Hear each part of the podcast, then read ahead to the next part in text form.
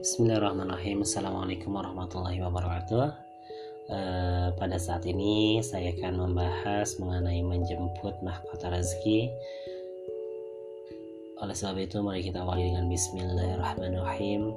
Alhamdulillahirrahmanirrahim Wassalatu wassalamu ala asrafil anbiya wal mursalin Wa ala alihi wa sahbihi azma'in amma ba'du. Astaghfirullahalazim Astaghfirullahalazim. Allahumma salli ala sayyidina Muhammad wa ala sayyidina Muhammad. Pada kesempatan yang berbahagia ini tentunya kembali lagi di podcast Alam Budi Kusuma. Tak terasa sudah menginjak ke bab 3 di mana mengenai di bab 3 ini ada sub pokok temanya yaitu menjemput mahkota rezeki salah satu tema yang akan saya jalani adalah saya jelaskan adalah bekerjalah ya Masya Allah Tabarakallah kita mulai saja bekerjalah Sungguh langit tidak akan menurunkan emas dan perak, maka bekerjalah. Sayyidina Umar bin Khattab radhiyallahu anhu. Suatu ketika seorang laki-laki datang menemui Rasulullah Sallallahu Alaihi Wasallam. Laki-laki itu meminta sedekah kepada Rasulullah Sallallahu Alaihi Wasallam untuk dirinya dan keluarganya yang menjadi tanggungannya. Tidak seperti biasanya yang jika diminta langsung memberi, kali ini Rasulullah SAW tidak segera memberi. Tampaknya Rasulullah SAW ingin memberikan pelajaran kepada laki-laki itu. Apakah engkau masih memiliki sesuatu di rumahmu? Tanya Rasulullah Wasallam. Ya, sebuah tempat air untuk minum dan beberapa selimut tebal untuk menahan dingin. Jawab laki-laki itu. Rasulullah Shallallahu Alaihi Wasallam menyuruh laki-laki itu membawa barang-barang tersebut. Kemudian Rasulullah SAW melelangnya. Hasil pelelangan sebesar dua dirham. Satu dirham dibelanjakan untuk kebutuhan keluarga laki-laki itu. Satu dirham lagi dibelikan kapak. Rasulullah SAW sendiri yang membuatkan gagang kapaknya. Masya Allah, tabarakallah ya Allah.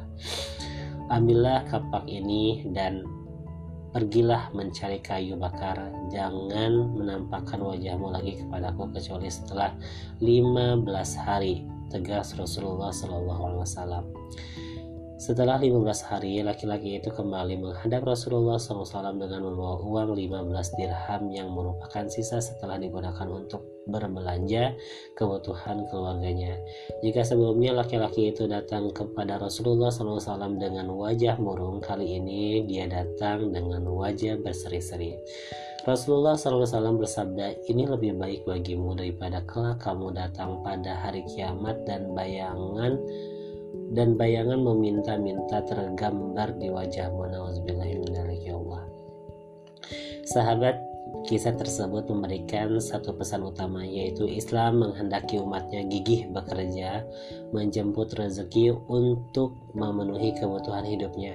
Ikhlas menerima keadaan hidup bukan berarti bermalas-malasan tidak bekerja dan hanya meminta-minta. Salah satu makna ikhlas adalah meyakini jaminan Allah.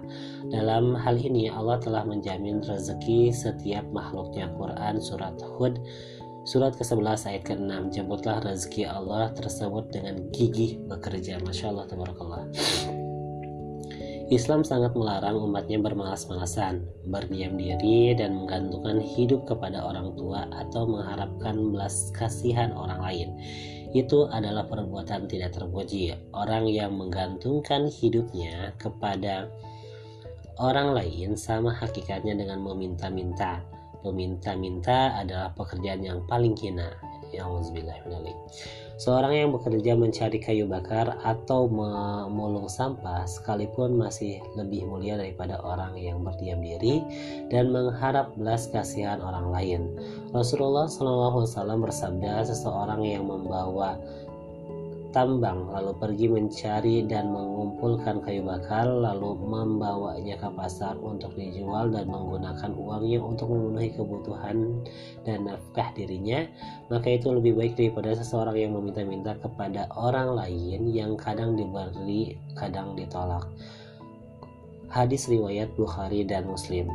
Allah menciptakan siang agar kita bisa bekerja mencari penghidupan Quran Surat An-Naba Surat ke-78 ayat ke-11 Allah juga memerintahkan hambanya agar bertebaran di muka bumi untuk mencari karunia-Nya setelah selesai menunaikan sholat. Al-Quran menerangkan, apabila sholat telah dilaksanakan, bertebaranlah kamu di muka bumi. Carilah karunia Allah dan ingatlah Allah sebanyak-banyaknya agar kamu beruntung. Quran Surat Al-Jumu'ah Surat ke-63 ayat ke-10 Dalam sebuah hadis Rasulullah SAW juga menegaskan mencari rezeki yang halal adalah wajib sesudah menunaikan yang fardu seperti sholat dan puasa. Saya tertarik sama ayat yang ini. Al-Quran menerangkan apabila sholat telah dilaksanakan, bertebaranlah kamu di muka bumi. Carilah karunia Allah dan ingatlah Allah sebanyak-banyaknya agar kamu beruntung. Masya Allah. Oleh karena itu, jangan bermalas-malasan rezeki tidak akan datang sendiri tanpa diusahakan. Jangan pernah berharap rezeki turun dari langit. Ia harus dijemput dengan ikhtiar yang optimal. Bangkitlah, sing-singkan lengan baju dan bekerjalah untuk masa depan di dunia dan akhirat Allah Karim. Kerahkan segala potensi dan kemampuan yang dimiliki untuk menjemput rezeki, jatah rezeki kita dengan cara rezeki kita dengan cara-cara terbaik dan diridhoi Allah. Insya Allah ini semua bernilai ibadah di sisinya dan akan menjadi kafarat atau dosa-dosa kita. Abu Hurairah radhiyallahu an meriwayatkan bahwa Rasulullah SAW bersabda, sesungguhnya ada dosa-dosa yang tidak terhapuskan dengan melakukan sholat, puasa, haji, dan umrah. Para sahabat bertanya, lalu apa yang dapat menghapuskan wahai Rasulullah? Rasulullah menjawab bersemangat dalam mencari nafkah. Masya Allah, tabarakallah, Allah Akbar.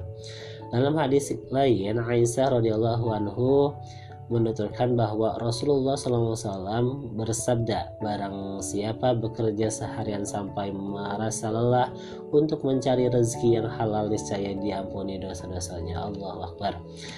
Sayyidina Umar bin Khattab radhiyallahu an berkata menegur seseorang pemuda yang hanya berdiam diri di masjid berdoa memohon rezeki tanpa berusaha. Sayyidina Umar radhiyallahu an mengatakan sesungguhnya langit tidak akan menurunkan emas dan perak bekerjalah maka bekerjalah. Demikian pula dengan Imam Hanafi beliau pernah menasihati seorang pemuda yang hanya berdiam diri di rumahnya dan berharap rezeki turun dari langit. Begini kisahnya. Suatu, suatu ketika saat hari menjelang sore, Imam Abu Hanifah berjalan-jalan di penjuru kota Baghdad. Saat melewati sebuah rumah sederhana, beliau mendengar rintihan seorang laki-laki yang diiringi tangisan terseduh-seduh. Allah karim. Oh alangkah malang nasibku ini Sejak pagi aku belum makan sesuap nasi pun Sehingga tubuhku menjadi lemas, lunglai Adakah orang yang mau memberikanku walau sesuap nasi? Mendengar rintihan itu, Abu I, Imam Abu Hanifah melemparkan sekantong uang disertai lembar kertas berisi nasihat kepada laki-laki itu. Ia melemparkannya melalui jendela rumah yang terbuka. Lalu laki-laki itu terkejut karena ada sebuah kantong di hadapannya yang entah dari mana datangnya. Ia segera membuka kantong itu ternyata isinya uang. Laki-laki itu sangat senang. Di dalamnya juga ada selembar kertas bertuliskan Hai manusia, sungguh tidak wajar kamu mengeluh seperti itu. Kamu tidak perlu mengeluh dengan nasibmu. Ingatlah kemurahan Allah dan jangan berhenti memohon kepadanya dan sungguh-sungguhlah dengan sungguh-sungguh jangan berputus asa. Hai kawan, berusahalah terus.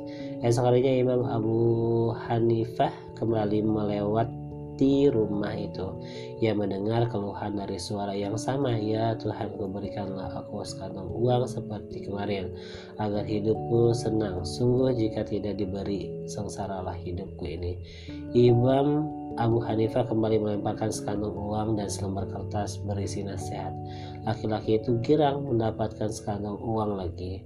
Ia segera membuka kantong dan membaca suratnya. Hai kawan, bukankah demikian bukan demikian cara memohon, bukan begitu cara berikhtiar.